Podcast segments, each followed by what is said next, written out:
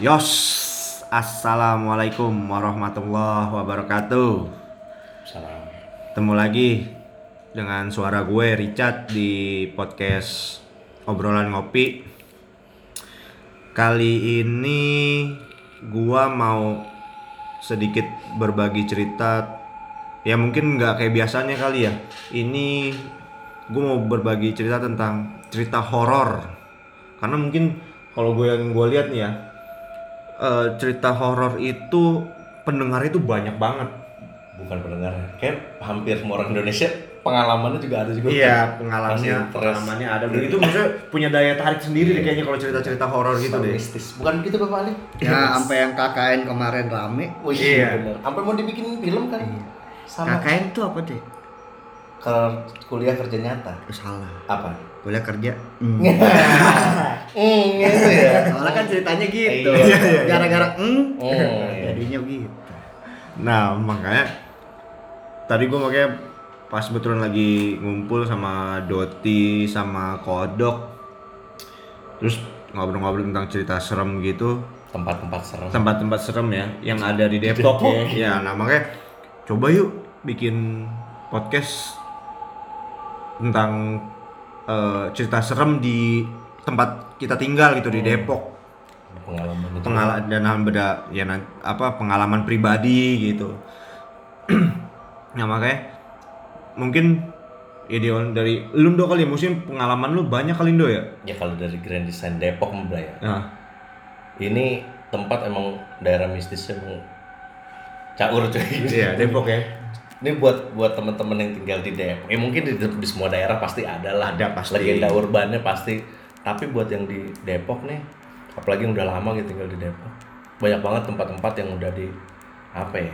Legenda urban itu udah terkenal banget. Salah satunya misalnya nih, Hmm. kayak jembatan Panus. Wah itu harum banget belajar. Oh, iya. jembatan Panus lama ya. Panus lama. Ah. Jadi kalau teman-teman podcaster nih ngobrol ngopi nih pada dari Margonda ke arah Depok Timur ya Nah, itu bakal ngelewatin jembatan eh, besi tuh ya jembatan yang di atas kali Ciliwung nah di sebelah kiri lo itu nanti bakal ngelihat bangunan zaman Belanda itu jam jembatan Panus iya ya. jembatan Panus lama. sebenarnya namanya katanya sih bukan jembatan Panus Blay katanya Hmm. jadi itu jembatan eh, emang peninggal zaman Belanda dan katanya Panus itu diambil karena legenda urban itu Oh. si eh, kan legenda urban itu buat teman-teman belum tahu nih legenda urban itu adalah di situ katanya ada pastur berkepala buntung kan. Oh, iya gue pernah dengar tuh ceritanya Nah, tuh. itu. Iya iya gue pernah dengar Nah, ceritanya. mulai dari situ dan pasturnya itu namanya kalau nggak salah Stefanus. Oh.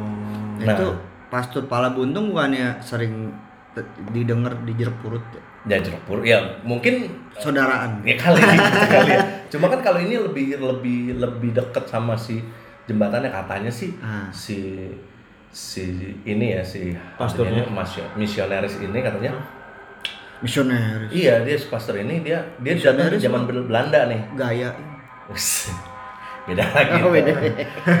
terus dia datang dan dia katanya sih sering lalang di lewat jembatan itu katanya Hmm. jadi pada saat dia melakukan melakukan eh, entah ibadah atau ke, gerejanya Oh.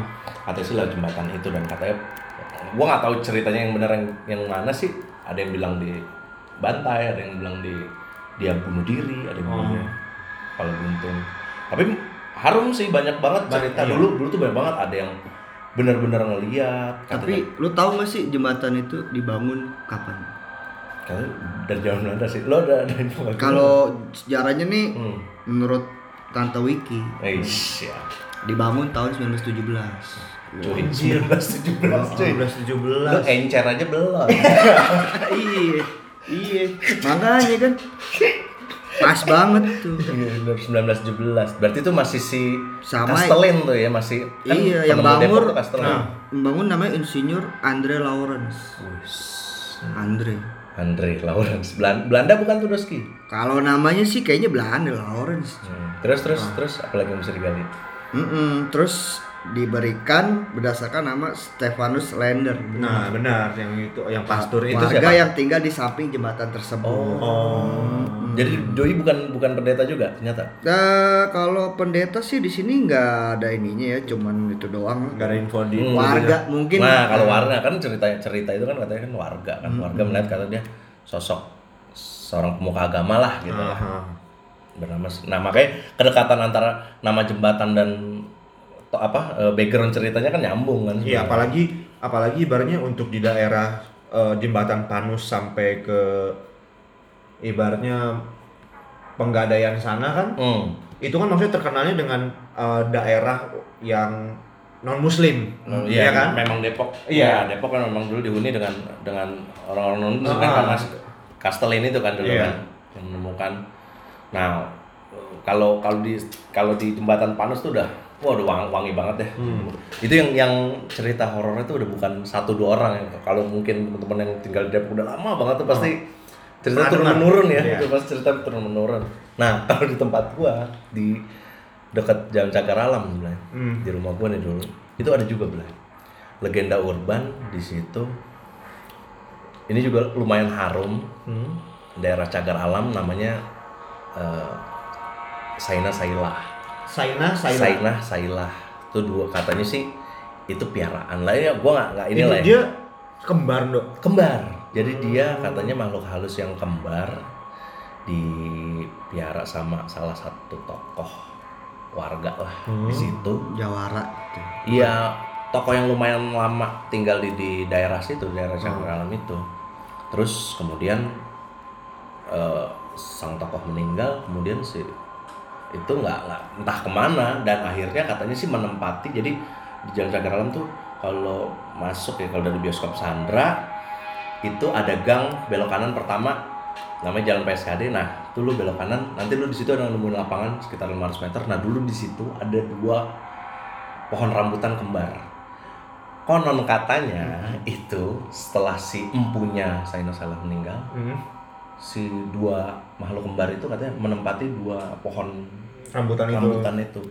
Dan sama kayak legenda si jembatan Panus, nggak satu dua orang yang ketemu oh. dan seringnya tuh pada saat masuk masuki waktu maghrib oh. jadi setengah-setengah inilah Bray setengah-setengah kayak mau dari terang ke gelap Oh. gitu atau dari gelap ke terang kadang-kadang ada juga Bray kayak gitu sebenarnya kalau men- menjelang subuh apa pas pada saat kayaknya kalau pada saat mau subuh tuh kayaknya udah bersih kali ya? Mungkin ya cuma Mungkin. eh, cuma tapi kalau emang dari sore apa ibaratnya maghrib gitu tuh emang legendanya begitu Iya. ya mitosnya begitu memang katanya sih. Nah itu di situ juga gue gue juga gini beberapa kali berinteraksi langsung ya ini langsung dengan orang-orang yang memang mengalami pengalaman mistis si si Saina Saila ini. Pernah ketemu pernah di ya tongolin ditongolin terus itu benar-benar caur cuy. Caurnya eh, dengan tampilan yang serem dengan tampilan yang nakutin ini bikin ada beberapa kayak misal waktu itu ada tetangga tetangga gue itu dia jualan buah. Jadi dia suka suka ber- bergantian lah sama anaknya ini. Jadi kalau paginya itu bapaknya nah malamnya itu yang jaga toko buah tuh anaknya. Hmm. Nah, dia melewati si lap- eh, lapangan ini yang pohon rambutan ini itu ha- hampir setiap hari dan menjelang maghrib kan. Nah, itu dia pernah satu kali dia ditongolin. Itu dia nggak bisa ngapa-ngapain, nggak bisa ngomong, nggak bisa lari, bahkan dia nggak dia tuh bergeraknya nggak bisa. Nah, Dia bingung dia mau ngapain. Akhirnya yang dia lakukan adalah dia tidur, Blay. Dia tidur, dia minta ampun segala macem. Pas dilihat udah hilang, nggak taunya itu dia tiduran di situ tuh hampir satu jam. Jadi dia bener-bener tidur di tanah gitu tidur di tanah dia tiarap. Jadi saking takutnya dia bingung dia nggak bisa bergerak. Akhirnya dia jatuhin diri di tiduran gitu, terungkup apa tengkurap gitu dia dia nggak sadar toto ada orang lewat bangunin dia dia udah tidur satu jam ternyata dari waktu dia pulang menjelang jelang maghrib itu malah setengah enam ya. Itu berarti sekitar setengah tujuh baru dibangun Hmm. Dan emang pada saat zaman itu lu inget dong Depok cuy jam 9 itu udah sepi banget Iya. jangan jam 9 deh gitu jam 8 gitu ya habis maghrib tuh deh Margonda tuh gue masih inget banget gila lu nggak nggak kayak zaman sekarang yang sampai jam 12 tuh udah rame banget Iya, masih rame. banget Ya. gila dulu tuh lu habis isa aja udah jalannya kecil ya kan mall itu dulu cuma satu dua ya Iya. ya, Hero sama dan itu wah caur banget nah, ini ini di dialamin juga sama si eh, orang-orang yang tinggal sekitar ini gua gua tuh gua gua dari yang nggak ya dulu kan masih kecil ya, dari yang anjir gua serem banget gitu Hmm. akhirnya gua gua nanya bener nggak sih ini cerita eh, apa orang-orang dan nggak cuma satu dua orang dan nggak cuma orang yang kan ada juga orang yang cerita tuh kayak yang apa sih cuma ya ini aja kan cerita cerita aja gitu Ah. Sampai, ad- tapi sampai orang yang gua kira nggak percaya sama hal-hal kayak gitu itu menceritakan hal yang serupa Oh. jadi ada satu tokoh masyarakat lah di situ yang gua rasa nih orang kayaknya nggak mungkin dipercaya sama kayak gitu-gitu tapi ternyata dia menceritakan hal itu dan dia yakinin bahwa ya walaupun dengan alam yang berbeda ya tapi dia bilang ya memang ada Hmm. fenomena itu Hmm. dan kita nggak bisa kata dia nggak kita nggak bisa nggak bisa hindarin lah ya memang kita di hidup di dua alam itu kan Oh. Ngeri juga sih. Ngeri Kalau- juga sih. Kalau daerah lu ada juga gak lu? Kalau gue sih sebenarnya nggak Pengalaman pribadi. Pengalaman gue sih pengalaman pribadi sih gue. Gue jadi dulu kan rumah gue masih yang rumah yang lama tuh. Hmm. Di mana daerah Margonda? Dia di, di dalam Margonda. Itu belakang rumah gue bener-bener kebon ya kan. Hmm. Belakang rumah gue itu kebun. Pohon nangka.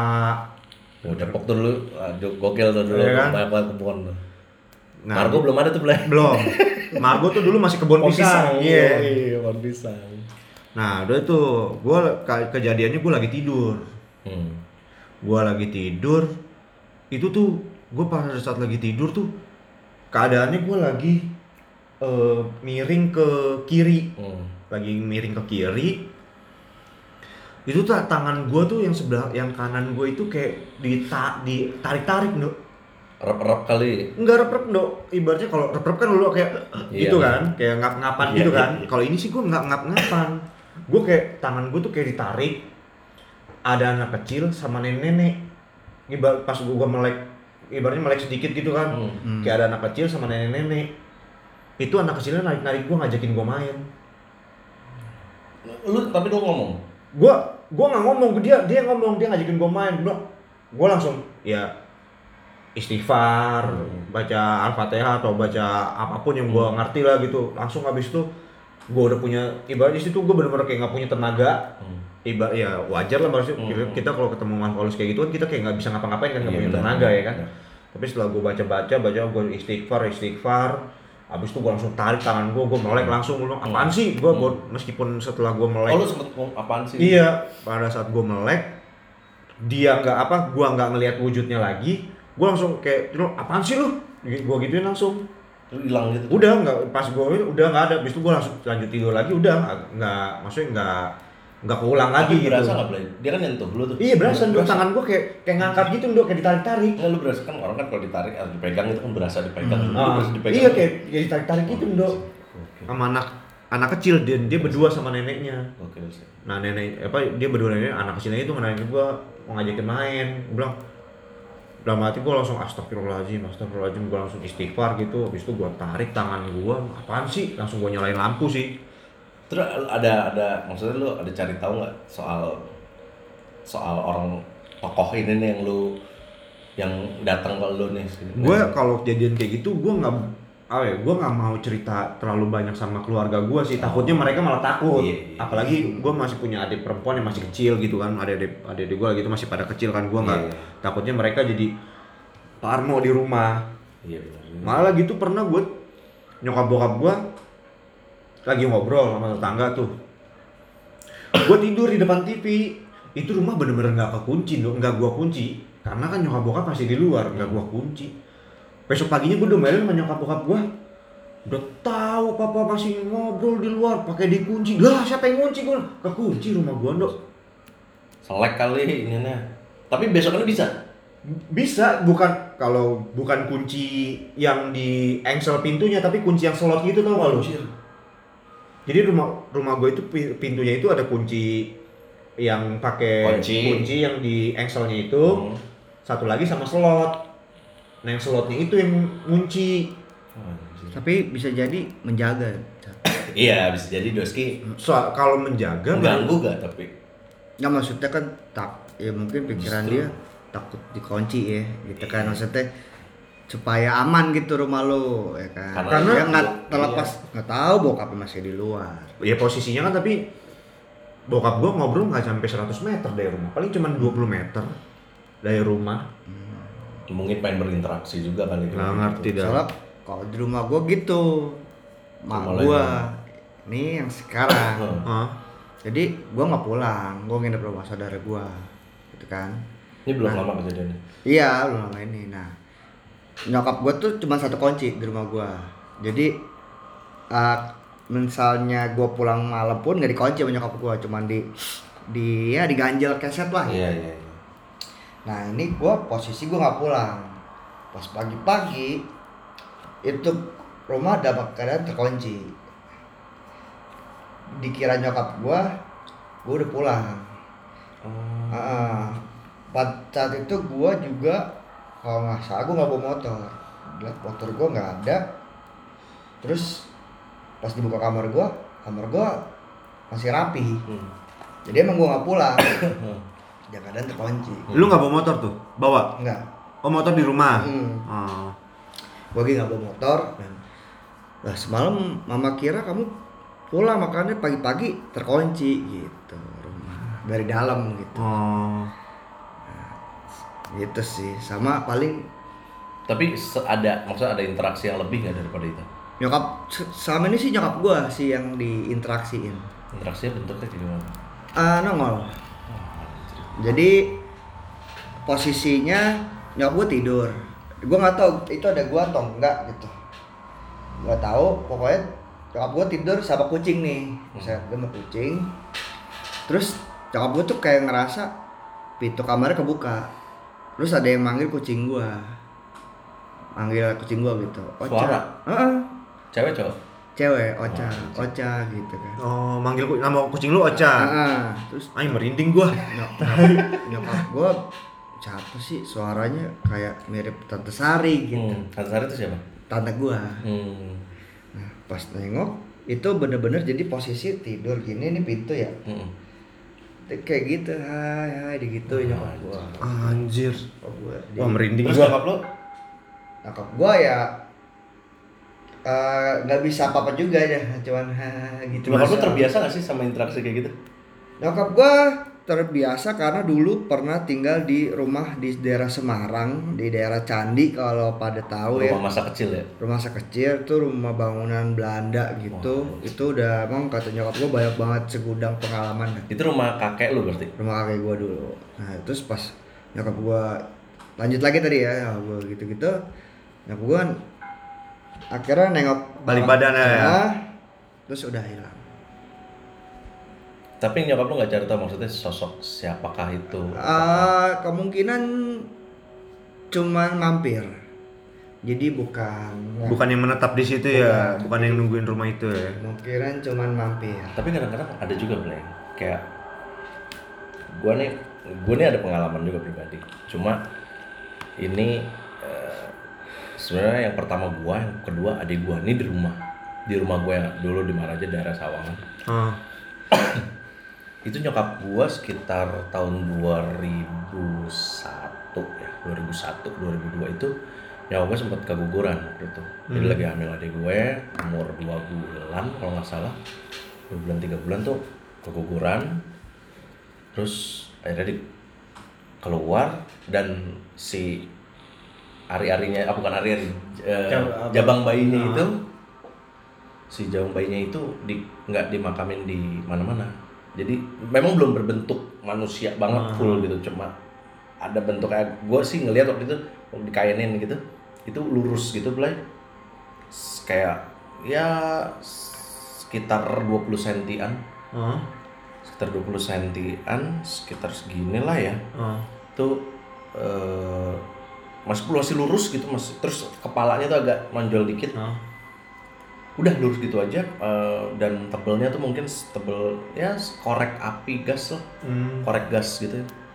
Se- segini lah tuh agak panjang terus itu nggak di ke mana-mana karena waktu itu nyokap gue posisinya keguguran tuh langsung bles keluar gitu aja Ble. sejak bayinya itu jadi waktu itu nyokap gue keguguran tuh karena lagi bersihin kamar mandi lagi beres-beres rumah pas lagi bersihin kamar mandi tiba-tiba langsung Keluar. gitu Oh. aja dan si jabang bayinya itu dimakaminnya di eh, taman depan rumah gua jadi bener-bener taman Yang ada pohonnya itu bukan? iya. Oh. jadi terus udah gitu ya biasalah eh, kita kultur Indonesia ya maksudnya masih menganggap bahwa itu sebenarnya adalah makhluk hidup kan yang harusnya hidup kemudian meninggal dan kita prosesi pemakamannya itu ya ya dengan baca-bacaan terus dengan kembang dan lain-lain. Habis itu tahun-tahun pertama kedua ketiga tuh nggak ada belum belum lah nggak ada nggak ada ini. Nggak ada anehan apa? nggak ada keanehan apa apa apa apa apa gitu Eh, lima enam tahun kemudian gue masih di situ sekitar 2008 2007 2008 tuh mulai ada ini interaksinya langsung. Yang pertama itu adik gue si Iki. Iki. adik gue tuh sering tidur di ruang TV Oh. Nah, jadi dia tuh tiduran lah karena dulu nonton DVD atau main PS apa gitu kan tiba-tiba ketiduran. Itu dia malam-malam udah udah udah sisi rumah tuh udah bertidur semua termasuk gue. Terus eh tidur udah pules gitu dia kata udah udah udah belas banget. Itu dia tiba-tiba dibangunin sama anak kecil, sosok anak kecil putih banget. Dia bilang cuma pakai celana pendek putih Hmm. dibangunin si Iki dan dia manggil ka- karena gua orang Sunda ya jadi kan semua manggilnya kalau yang lebih tua tuh AA ya Hmm. dan dia manggil si anak kecil itu manggil si Iki AA Oh. A. bangunin sampai Iki bangun yang lo tau kan kalau orang baru bangun tidur tuh yang masih krep krep gitu ya pindah disuruh pindah pindah ke kamar pindah ke kamar interaksinya gitu Nah, itu dibangunin Iki sampai tiga kali sampai akhirnya Iki sadar bahwa dia dibangunin. Hah, dia bilang gitu. Adik gue langsung masuk kamar. Udah tuh, dia cerita besoknya. Dan nyokap gue eh, baru nyambungin cerita gue. jadi gue tuh juga sem- sempat sempat ada kejadian interaksi kayak gitu. Cuma kalau gue bukan di Tonglen. Mbak. Jadi waktu itu gue nih sempat cerita, eh sempat di rumah kan tuh agak lama malam-malam tuh gue biasa lah begadang kan main PS apa segala macam dan gue tidur agak telat waktu itu jam sekitar jam setengah satu jam satuan gue deng gue dari jadi posisi di gue di ruang TV terus gue dengar suara anak kecil. Lo kalau suara Ah. itu, nyaring banget kan biarpun di garasi. Gue denger gue denger posisi gue di ruang TV di suara itu ada di garasi. Dan beberapa kali ketawa beberapa kali ketawa. Gue gue diem kan "Anak siapa? Gue bilang gitu apa apa binatang atau apa gitu kan nah gue apa? Gue nengok berhenti suara itu nggak ada hilang padahal pada saat gue jalan ke arah jendela arah hordeng ke arah jendela gue mau ngeliat itu masih ada suaranya. Pada saat gue jalan ya mendekati si jendela itu masih ada suara suara itu masih ada ketawa-ketawa kecil itu masih ada. Anjing gue merinding sumpah. Eh, udah tuh gue balik lagi ke ruang TV gue nyantai lagi beberapa menit masih main lagi. Masih tuh suaranya datang lagi. Kedua kalinya. Dengan suara yang sama begini gue keluar lagi gue lihat lagi hilang besoknya nyok gue cer eh, apa eh, gue ngomong akhirnya udah tuh karena digabung sama cerita Iki jadi akhirnya kita adakan semacam ritual lah Hmm. bukan ritual ya semuanya mendoakan lah Aha. gitu lah ya. kita prosesi pendoaan supaya ya ini apa nih apakah ada pesan yang mau disampaikan apa apa kan karena kalau ngelihat sosok anak kecil terus ada di dalam situ sebelum sebelum itu nggak ada gitu. Hmm. kita tuh nggak pernah ada interaksi dengan yang kayak gitu gitu Hmm. jadi eh, setelah itu nyokap gua kayak macam proses ya mendoakan dengan menyiramkan air dan kembang dan segala macem kayak orang ziarah lah nyekar Ah. gitu bilang. dan setelah itu udah nggak ada tapi anehnya anehnya setelah kejadian itu jadi kayak mancing makhluk lain malah Oh. jadi nih si yang di yang dicurigai adik gue ini udah selesai Ah. ininya interaksinya itu atau penampakannya itu ini kayak ngundang makhluk lain buat datang ke sekitar rumah nggak di dalam sekitar rumah setelah kejadian itu beberapa tahun kemudian setahun atau dua tahun gue lupa itu setelah kejadian yang adik gue itu ya Hah? dua tahun lalu dua tahun lalu kemudian itu pembantu gua mulai diganggu. Jadi di rumah gua tuh kan tempat cuci di atas. Hmm. di lantai gua di belakang terus naik ke atas. Nah mbak di rumah gua itu lagi habis nyuci dia habis jemur-jemur dia biasa beres-beres rumah. Jadi dia nyuci dulu dan habis itu baru beres-beres rumah ngepel segala macem kan karena nggak ada orang kan kuliah gua kuliah adik gua sekolah nyokap gua kerja bokap gua kerja. Terus dia lagi beres-beres ada yang manggil. Kan kita manggil eh, asisten rumah tangga gua tuh empok kan sebutan karena dia orang orang situ kan orang asli Depok tuh. Nah, dia manggil pok pok. Hah? dia mikirnya adik gue yang kecil si baba. Baba. karena waktu itu dia masih TK kan. Ah, si baba ini ngapain di atas? Gitu kan si empok gue nyamperin gitu ke atas kok nggak ada udah turun lagi. Mas manggil lagi pok nggak ada. Nah udah gitu cerita lagi terus kata nyokap gue "A- apa sih yang mau disampaikan nih Mak? maksudnya kok terus akhirnya kita kayak konsultasi gitu sama orang yang ngerti gitu ya? Hmm. datang lagi ke rumah gue Oh. datang terus gue si empok gue itu sama si Iki tuh dikumpulin kayak eh susinkronin ceritanya apa sih sebenarnya yang eh, ada nggak pesan yang disampaikan nggak ada sih pesan yang disampaikan cuma dia mau interaksi sama kita. Ini kayaknya ada pesan yang disampaikan gitu. Entah apa entah apa gue nggak tahu sih waktu itu pesan yang disampaikan. Cuma akhirnya si orang pintar ini sih bilang bahwa ya sebenarnya karena ini kan sebenarnya janin. Janin kan sebenarnya sudah bernyawa ya dia bilang. Memang kalau ditaruh di sini dan kurang diperhatikan kurang diperhatikan memang ya udah pas ditaruh udah nggak ada kayak mendoakan secara kan kayak gitu datang ziarah tuh datang Oh. mendoakan apa segala nyokap gue ya nggak datang yang kayak gitu dan nggak pernah berbunga kayak orang ziarah gitu udah ber- mendoakannya ya udah kayak lagi sholat apa segala Ah. macam aja dan si orang pintar itu ya cobalah berikan uh, Perhatian gitu. Nah, perhatian di, dari situ yang gue lumayan agak sering gitu buat mendoakan secara langsung gitu untuk du- duduk di teras si taman dekat sama si makamnya janin adik gue itu ya mendoakan gitu supaya Ah. udah dari situ gua kena lagi kejadian sama gitu kayak kayak mi- Mrs. gitu. tapi kali ini aneh bukan sosok adik gua Hmm. dan bukan di dalam rumah gua bukan di dalam ya tapi di sekitar rumah jadi gua waktu itu rumah rumah jadi rumah gua tuh waktu itu posisinya tuh lagi zaman eh, apa listrik tuh suka mati sendiri jepret jepret Ah. jepret gitu kan suka turun sendiri lah padahal nggak mati lampu giliran gitu. Terus tiba-tiba tengah malam gitu gue udah tidur nih gue udah tidur semuanya udah pada tidur. Gue kebangun dengan saat dengan posisi gue udah keringetan mulai. Oh, mati lampu kadang. ternyata mati lampu. Oh. Gua bilang, wah AC mati apa lampu mati gue terus gue jalan ke luar kamar gue minum karena gue bilang gue udah gak betah nih maksudnya, siapa sih yang betah gitu tidur keringetan kan? Wah gila gerah banget tuh dan basah banget tuh gue minum gue keluar gue coba ngademin diri. Dan yang gue lakukan kan pasti nyalain saklar dong gue nyalain saklar gue buka. Pas gue buka gue gue masih gerah-gerah ngibas-ngibasin baju gini kan. Gue nyium bau sampah situ. Oh. itu wah itu bau sampah itu nyengat banget. Bau sam bau sampah itu bener-bener kayak lu ada di depan truk sampah. Itu yang ada bangkai ada apa baunya udah dicampur banget. Bau banget tuh gue bilang. Itu gue posisi belum nyalain saklar gue masih di teras depan teras.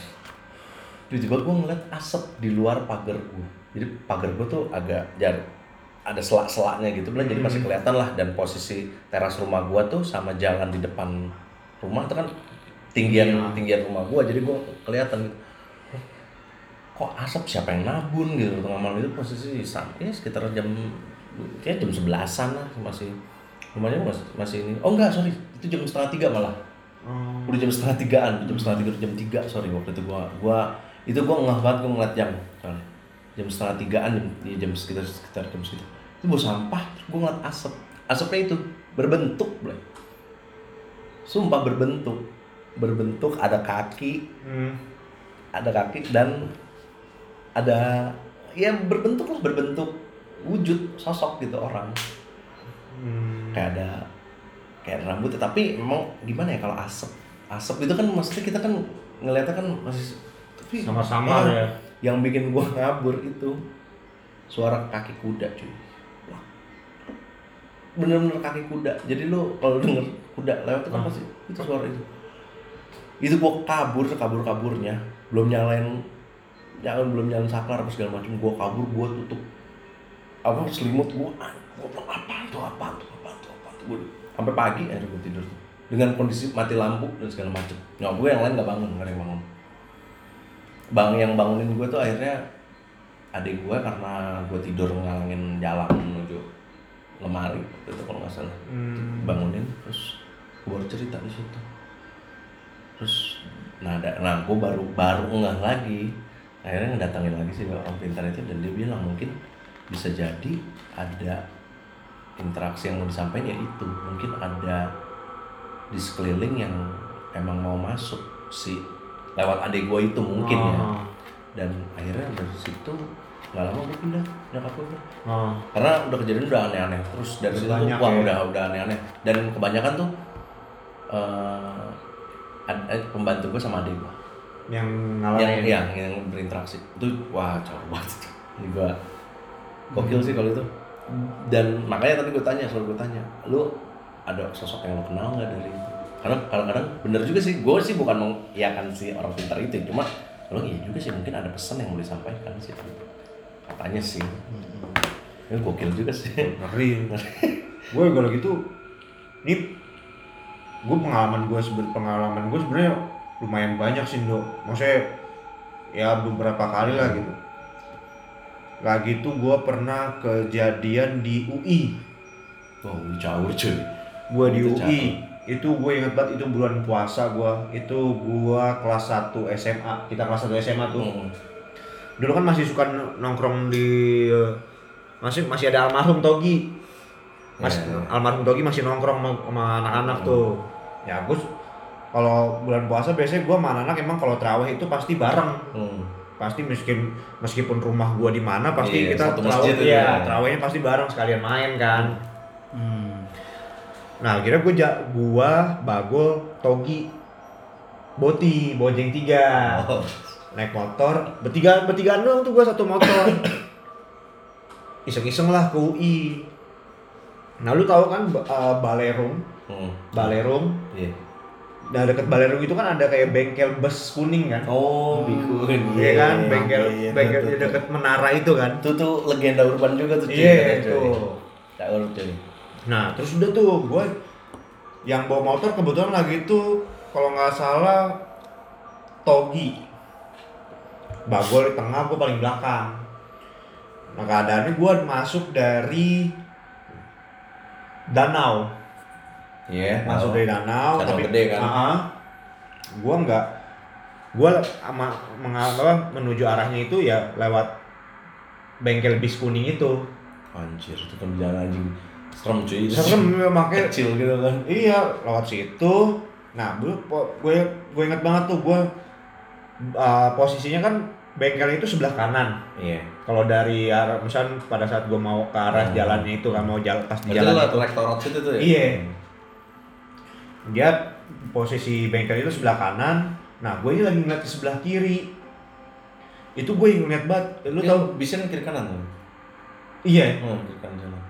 Nah terus udah tuh gue inget banget tuh gue ngeliat lu tau gak sih kayak spanduk yang dipakai bambu yang ditancap gitu tahu. ya kan bawahnya bambu kira gue itu nyender di pohon Oh, kira ini kok spanduk begitu disender di pohon apaan ya? Maksudnya dalam keadaannya juga pelan bawa motornya. Udah tuh pas setelah polisi tidur kedua itu udah mau saya udah mau jalan mau ke arah menara itu udah gak ada polisi tidur lagi kan dulu. Polisi tidur kedua pas lewat baru palanya atasnya kelihatan dok.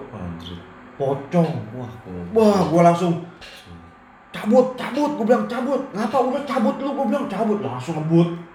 Langsung ngebut. Jelas tuh jelas Wah, anjing itu gua. Cabut gua bilang Kenapa lu? Udah cabut gue bilang ngebut dah tuh. Nyampe di rumah Eri baru gue ceritain anjir pocong cuy gue bilang. Akhirnya ngejar ke Balerung lu tuh. Kagak jadi. Gua, wah gila itu. Nah, serem banget sih emang itu.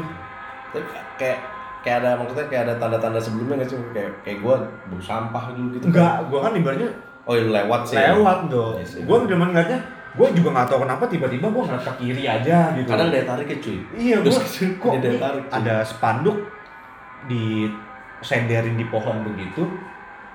Ada apa nih pas lewat bener-bener polisi dulu kedua, baru atasnya kelihatan tuh Iya. kalingan daun-daun. Bau. Wah gila, langsung cabut-cabut gua bilang. tapi UI lumayan juga Wah. Ui parah, Ui parah cuy. legenda urban juga tuh Iya. bikun itu tuh cuy wah Balerung, iya balerung ya terus eh, pangkalan bis kuning sama yang menara air itu. yang dekat bikunnya dekat Iya, bis kuning, iya. itu. anjir itu emang itu nggak nggak nggak lu doang tuh itu tuh ada aja tuh Itu tuh si Ji apa lagi tuh kan kerja di apa istrinya kalau nggak salah kerja di direktorat UI kan. Hmm. Istrinya cerita, ibaratnya mereka kan pulang kerja, pasti kan ya namanya kayak eh, berkas-berkas yang habis dikerjain segala macam kan pasti kan diberesin ya kan. Hmm. Itu benar-benar diberesin. Besokannya ketika dia masuk kantor lagi itu semua udah berantakan cuy. di kantor di Balerung itu. anjir kalau di kantor ya Iya. Goks itu. Tapi gue gak tau sih kalau sekarang, kalau dulu sih, wah cerita Wah, tuh banyak banget. Banyak banget tuh ih. Wah, itu ada yang termasuk yang ini cuy, kereta kereta hantu itu. Oh, iya Kayak- bener. iya, itu kayak Isu- banyak banget Depok. Isunya tuh iya kan. Iya, yang- yang abis kata sih tuh, gue nggak tahu tuh kejadiannya karena karena kenapa tuh. Jadi ada beberapa orang yang ngalamin dan nggak cuma satu dua orang juga tuh. Orang katanya naik kereta, terus Sebenarnya jalan kaki. Iya, tapi menurut cerita yang yang yang yang nyeritain nih, Hmm. cerita dia, dia dia deskripsiin isi kereta itu. Jadi Hmm. kereta itu tuh dia bilang semua orangnya tuh diem. Hmm.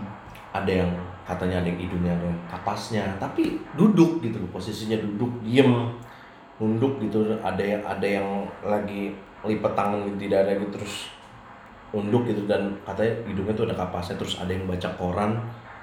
Korannya tuh beberapa tahun lalu gitu belai. Oh. Jadi tuh pas lihat kok ini ngapain? Orang baca koran kok. Katanya koran berapa tahun lalu. Cuma dia nggak naruh curiga gitu kan ke orang-orang itu. Terus kereta tuh keretanya tuh apa ya rame-rame sepi gitu kata dia. Uh, yang duduk tuh rame Oh. gitu nggak terlalu sepi juga gitu. Terus dan dia sampai ke, ke stasiun tujuannya. Dan ketika dia sampai di stasiun tujuannya dia naik ojek. Si bapak ojeknya ini nanya Hmm. naik dari mana pak? Dari Jakarta naik apa? Naik kereta. Kereta? Kereta apa? Itu kereta yang barusan. Saya nggak ngeliat bapak naik kereta. Bilang Iya. dia bilang saya nggak ngeliat bapak naik kereta dan nggak ada kereta pak. Ini dulu tuh kalau nggak salah kereta nggak sampai jam 12 Enggak, jam 11 juga. 10 paling. iya. Udah itu kereta terakhir. kereta, eh, kereta tuh dulu nggak sampai tengah malam banget lah dan dia tuh dinyampe udah tengah malam dan si abang ojek ini di, di stasiun gue sebutnya ya Depok Baru Hmm. itu kan nempel sama pasar kemiri ya Hmm. pasar Ah. induk kan Heeh. dan pasti banyak tukang ojek lah gitu dan pasti orang notice lah ya kalau ada kereta lewat kan Iya apa kan gitu kan Pasti kan maksudnya di situ ada pintu rel. Iya, dulu kan ada pintu kereta kan. Dan si bapak ojeknya, saya nggak ngeliat. Dan si, ah enggak bapak bercanda. Enggak pak, saya nggak ngeliat apa-apa. Saya naik kereta pak, berdebat. Hmm. Akhirnya dia ceritain sama tukang ojek ini, saya saya ini segala macam. Dan si bapak itu akhirnya katanya sempat sakit Hmm. setelah kejadian itu. Sempat sakit, terus dia kayak berobat gitu. Ya, dok di rumah sakit tapi nggak terdeteksi gitu penyakitnya Heeh. akhirnya dia orang pintar baru di bahwa ada yang masih ada yang numpang di situ Oh. lu lumayan juga tuh lumayan lumayan rame juga tuh Iya cerita itu benar benar. Lumayan rame Cerita kereta Kereta setan kereta, itu. kereta hantu itu bang. oke tuh cuy Lu ada lagi dok yang lain? Gua sih alhamdulillah ya nggak pernah ngalamin sih. Lu nggak pernah? Nggak- kalau Alhamdulillah. kalau ya gue sih kalau gue jujur aja gue ngalamin ngalamin secara kayak yang tadi aja kayak paling yang itu ya yang kita nongkrong rumah nenek lu tuh yang kita lagi pada ngobrol Wah itu itu caur cuy. Gimana? Ada lu ada, kalau salah. ada lu ada lu jadi Lupa gua. ngobrol Itu lu tuh lagi rame. lu dengerin ceritanya Bagus Ya, jadi ada security rumah Ya. Pandu gitu. gua sama Pandu Lagi diem. asik sendiri Hmm, kita lagi ngobrol. misah gitu lu lu udah Misah. fokus pada dengerin Pak Agus gua sama Pando apa ya, kita rame sendiri lah gitu ngobrol sendiri Ya ngobrol, tapi kita ngobrol tuh pelan-pelan juga ya karena mereka kan udah rame duluan kan. tiba-tiba ada yang tertawa Tahu dan suara itu gua sama Kodok langsung diem, bener-bener diem sih. Bener-bener diem. Ketawanya tuh bukan kayak ketawa cewek yang gimana gitu, enggak. Enggak yang ketawa ketawanya tuh aneh. Hmm. Kayak iya kayak kayak orang hmm, kayak orang apa ya? Ketawanya tuh ditahan gitu. Hmm. Dan kita tuh bener-bener jelas dengernya. Gue tuh tadinya lagi ngobrol, tiba-tiba langsung liat-liatan sama Kodok. Langsung Bener kita langsung gabung ke anak ya jauh jauh jauh jauh gue langsung gabung sama lu terus baru gua eh kita kita mau cerita kayaknya dia mana anak ya enggak ya udah cerita deh kayaknya. cerita ya. Anjir. Oh, itu- itu gokil banget sih. kalau gua Itu ya. Kalau gue lagi kayak pernah lagi itu juga ngera- ngalamin di rumah Bagol. Di Sawangan. Di kamar atas. hmm. Itu gue ngalamin di situ tuh beberapa kali. Emang dalam keadaannya lagi bandel. Iya, di bandel anak muda lah ya. Anak muda. Gue dulu lagi SMP tuh, Dok. Gue teman minum gue pokoknya bagol dah. Dulu dah, teman minum. Gue inget banget tuh gue baru beli anggur putih dulu kan zaman SMP kan anggur putih Yo, terkenal banget ya kan. white wine. Oh yoi. Orang tua jangan dilawan. Nah gue berdua bagolnya habis baru banget beli sebotol. Baru minum sedikit dok. Jadi di dalam kamar nyetel radio. nyetel radio. Udah tuh kita ngobrol di depan kamar, di luar kamar tuh. Ngobrol. eh, Tiba-tiba tuh radio gede sendiri. Anjir. Suaranya. Suaranya langsung kayak gedenya tuh nggak pelan-pelan langsung beng. Wah, gokil. Wah langsung pak gua sama anak kaget kan apa nih masuk ke kamar kagak ada apa-apaan takutnya kan misalnya kucing atau segala macam ini nggak ada apa-apa Hmm. benar-benar dicari kagak ada apa-apa Hmm, mau bagol udah dimatiin radionya cabut udah Hmm, udah cacat buang buang buang Hmm. udah gitu belakang rumah bagol kan sa- telaga ya kan Hmm. udah gitu bener-bener turun tangga itu sebelah kiri ibaratnya sebelah kiri tangga itu kalau kita ngadep ke saung telaga tuh Hmm. itu pohon bacang gede banget Anjir. Sarang gitu lah. makanya bener-bener wah cacat udah buang-buang udah itu baru gua minum dikit bener-bener gua buang ke telaga. Udah gua langsung udah cabut cabut cabut. Emang kadang-kadang tuh apa ya daerah kayak pemukiman kalau yang deket sama alam bebas tuh kayak lebih berpotensi kalau kalau menurut gua sih emang di situ keadaannya gua yang salah. Iya satu karena kan gua lagi iya nakal. satu satu sisi lu salah. Eh, mungkin poin keduanya tempat-tempat atau pemukiman biasanya yang atau apa pun lah yang deket kayak hutan danau Ah. pegunungan wah itu caur sih biasanya tuh jauh lebih banyak kayak gue dulu di Majalengka ya di kampung kakek gue tuh itu rumah rumah ibu bapaknya bapak ibunya kakek gue berarti uyut Hah? uyut gua berarti rumah uyut gua itu dulunya terkenal ada lumbung padinya bro di situ. Di rumah uyut gua itu ada lumbung lumbung beras ya lumbung lumbung beras. Jadi padi yang udah diproses karung-karungnya itu ditaruh di situ. Ah. padi tuh padi. Ada bio yoi. Ribol bisa aja doski mecahnya biar nggak serem ya. Terus? Ini kan channel lawak. Iya benar benar. Eh agak serem juga pakai backsound kayak gini. dari tadi merinding mulu gua serius Deg-degan kecang juga dap. Dan gitu. Nah posisi si rumah uyut gue itu belakang tuh sawah, sawah bener-bener pematang sawah yang lebar banget. Ber- sama Tejo ada tuh pasti sawah jalan gunung gunung bener. kayak gambar anak SD tuh Iya. Tapi ini nggak ada nggak ada. Nggak ada burung ya? Burung ada. Awannya kagak biru juga, putih kalau ini. Belum dikelir. Udah gitu? Si rumahnya itu benar-benar ada di ujung pemukiman jadi langsung langsung nempel sama sawah. Jadi taman belakangnya tuh udah langsung sama pintu belakangnya sorry. Jadi kalau buka pintu belakang tuh udah sawah aja udah gitu. Nah, udah nggak ada pemukiman lagi atau apa. Dan sebelah sawahnya itu kali gede banget. Dan kalinya itu katanya sih dulu suka dipakai buat ritual-ritual gitu Hmm. ya orang dulu ya Iya, iya. kita Apalagi orang-orang daerah gitu nah kan. itu dia kan terus udah gitu kejadiannya sekitar 2015an 2016an belum lama Hmm.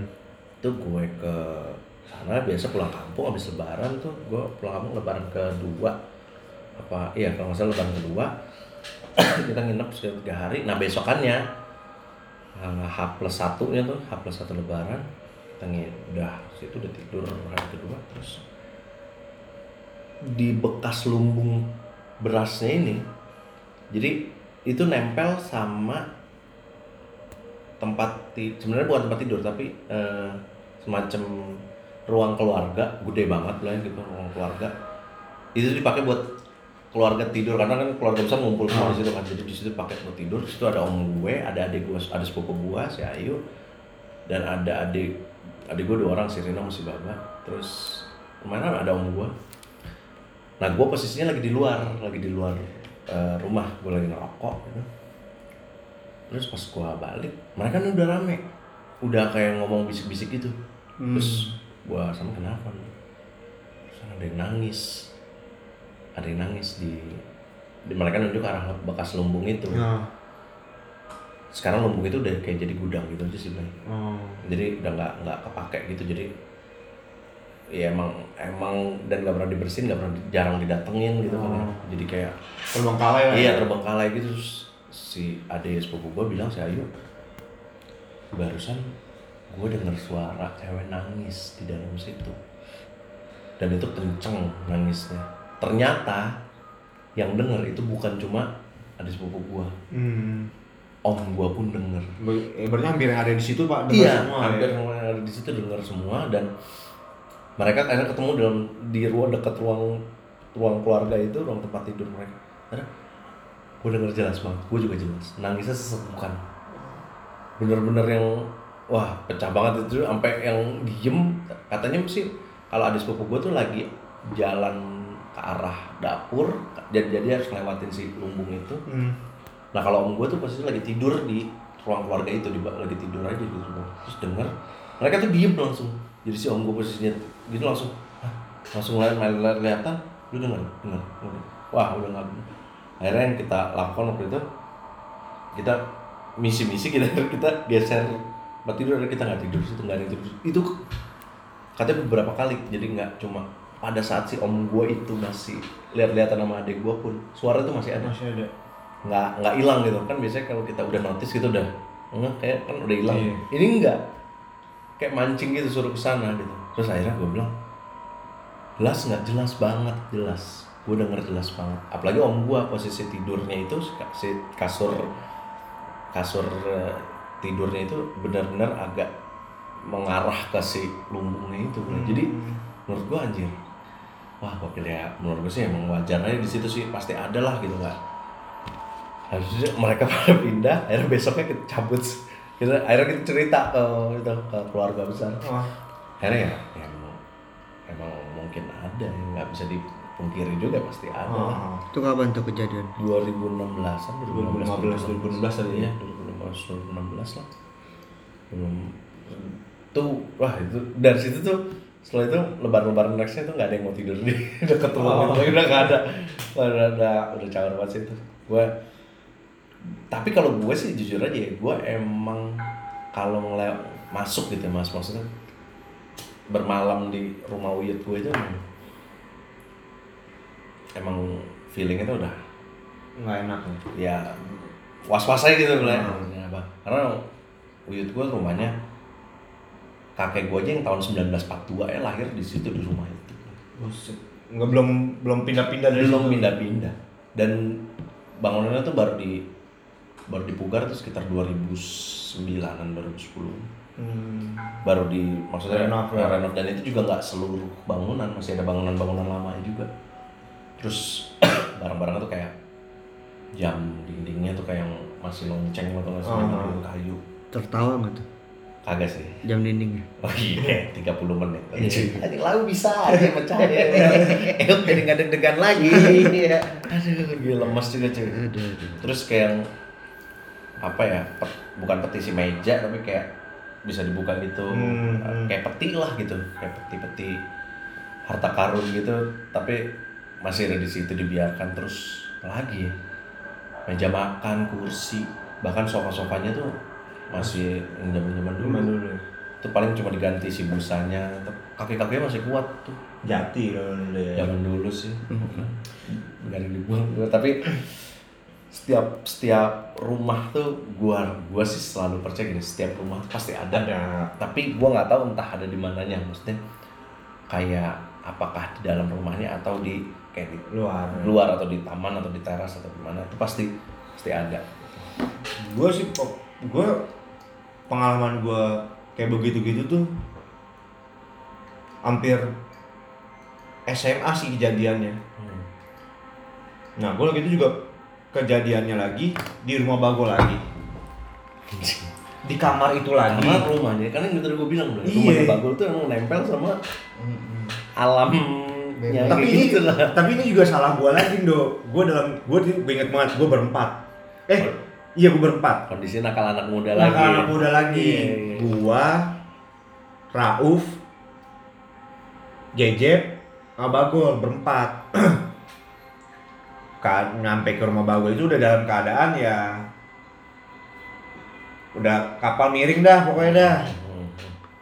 Tapi emang di situ ini Enggak. oh nyikat di luar. Ngikat di luar tapi di situ sikat lagi. Oh, Jadi- siap siap Iya, sisanya. iya, jadi di jalan kan agak ada sedikit ya kan.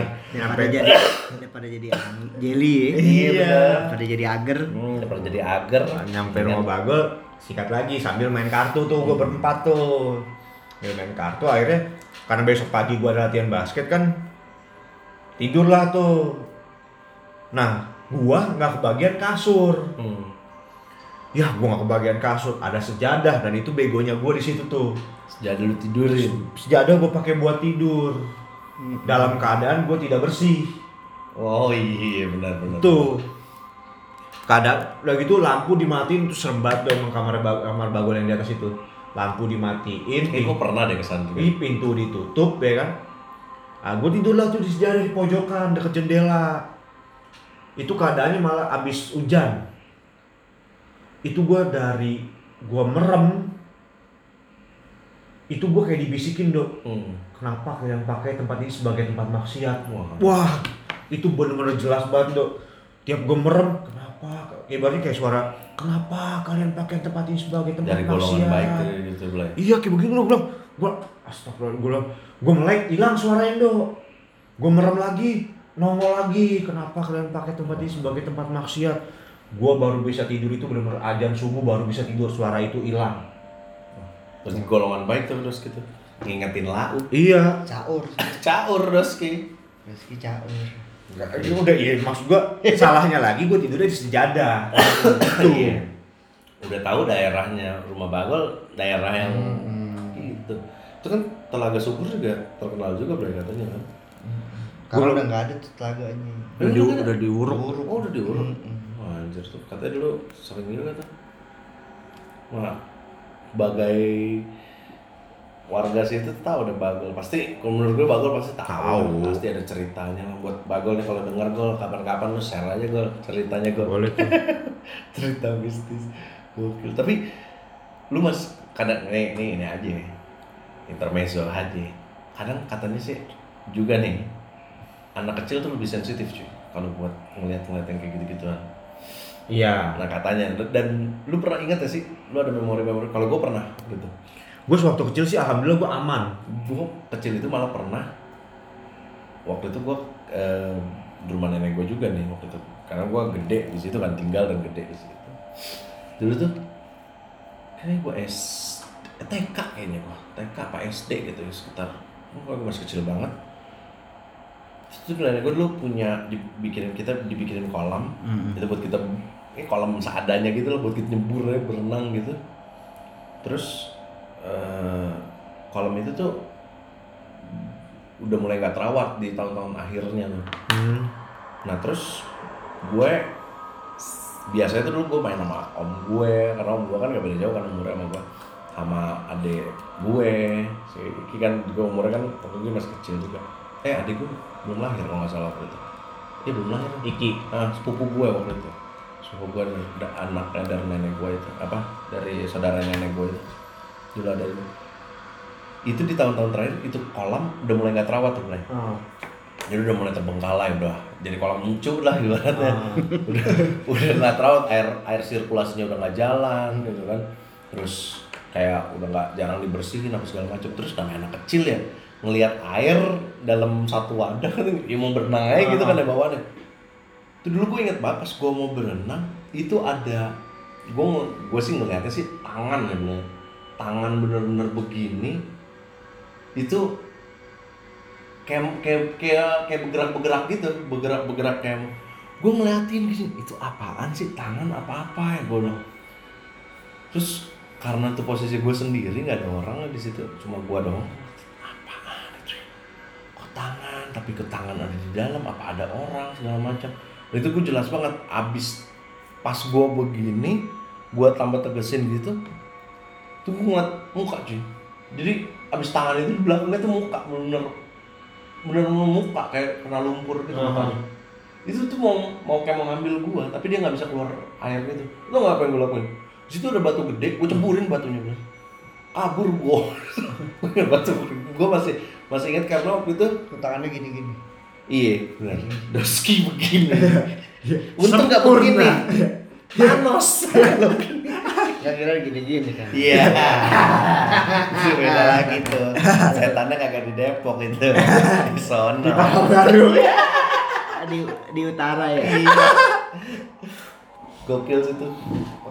Ya gue sih sebenarnya kalau pengalaman kayak gitu tuh nggak kayak ada orang kan dulu templokin di depan tengah Hmm. gitu pas yang kalau gue sih alhamdulillah nggak nggak yang sampai jelas gitu sih selalu samar selalu yang gue juga masih think, apa bener itu ya? Apa bener itu ya? Karena gue orang yang jujur aja gue penakut banget sih. Gue Hmm. gue main gitu gituan wah takut banget gue gue kayak sih kalau sama temen mungkin gue kayak tukang buah yang ketemu sama saya saya lagi gue pingsan aja dah. Mending gue jatuhin diri dah.